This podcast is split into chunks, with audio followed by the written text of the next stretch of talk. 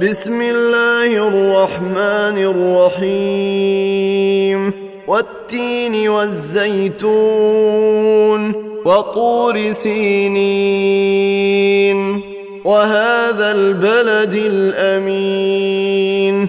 لقد خلقنا الإنسان في أحسن تقويم.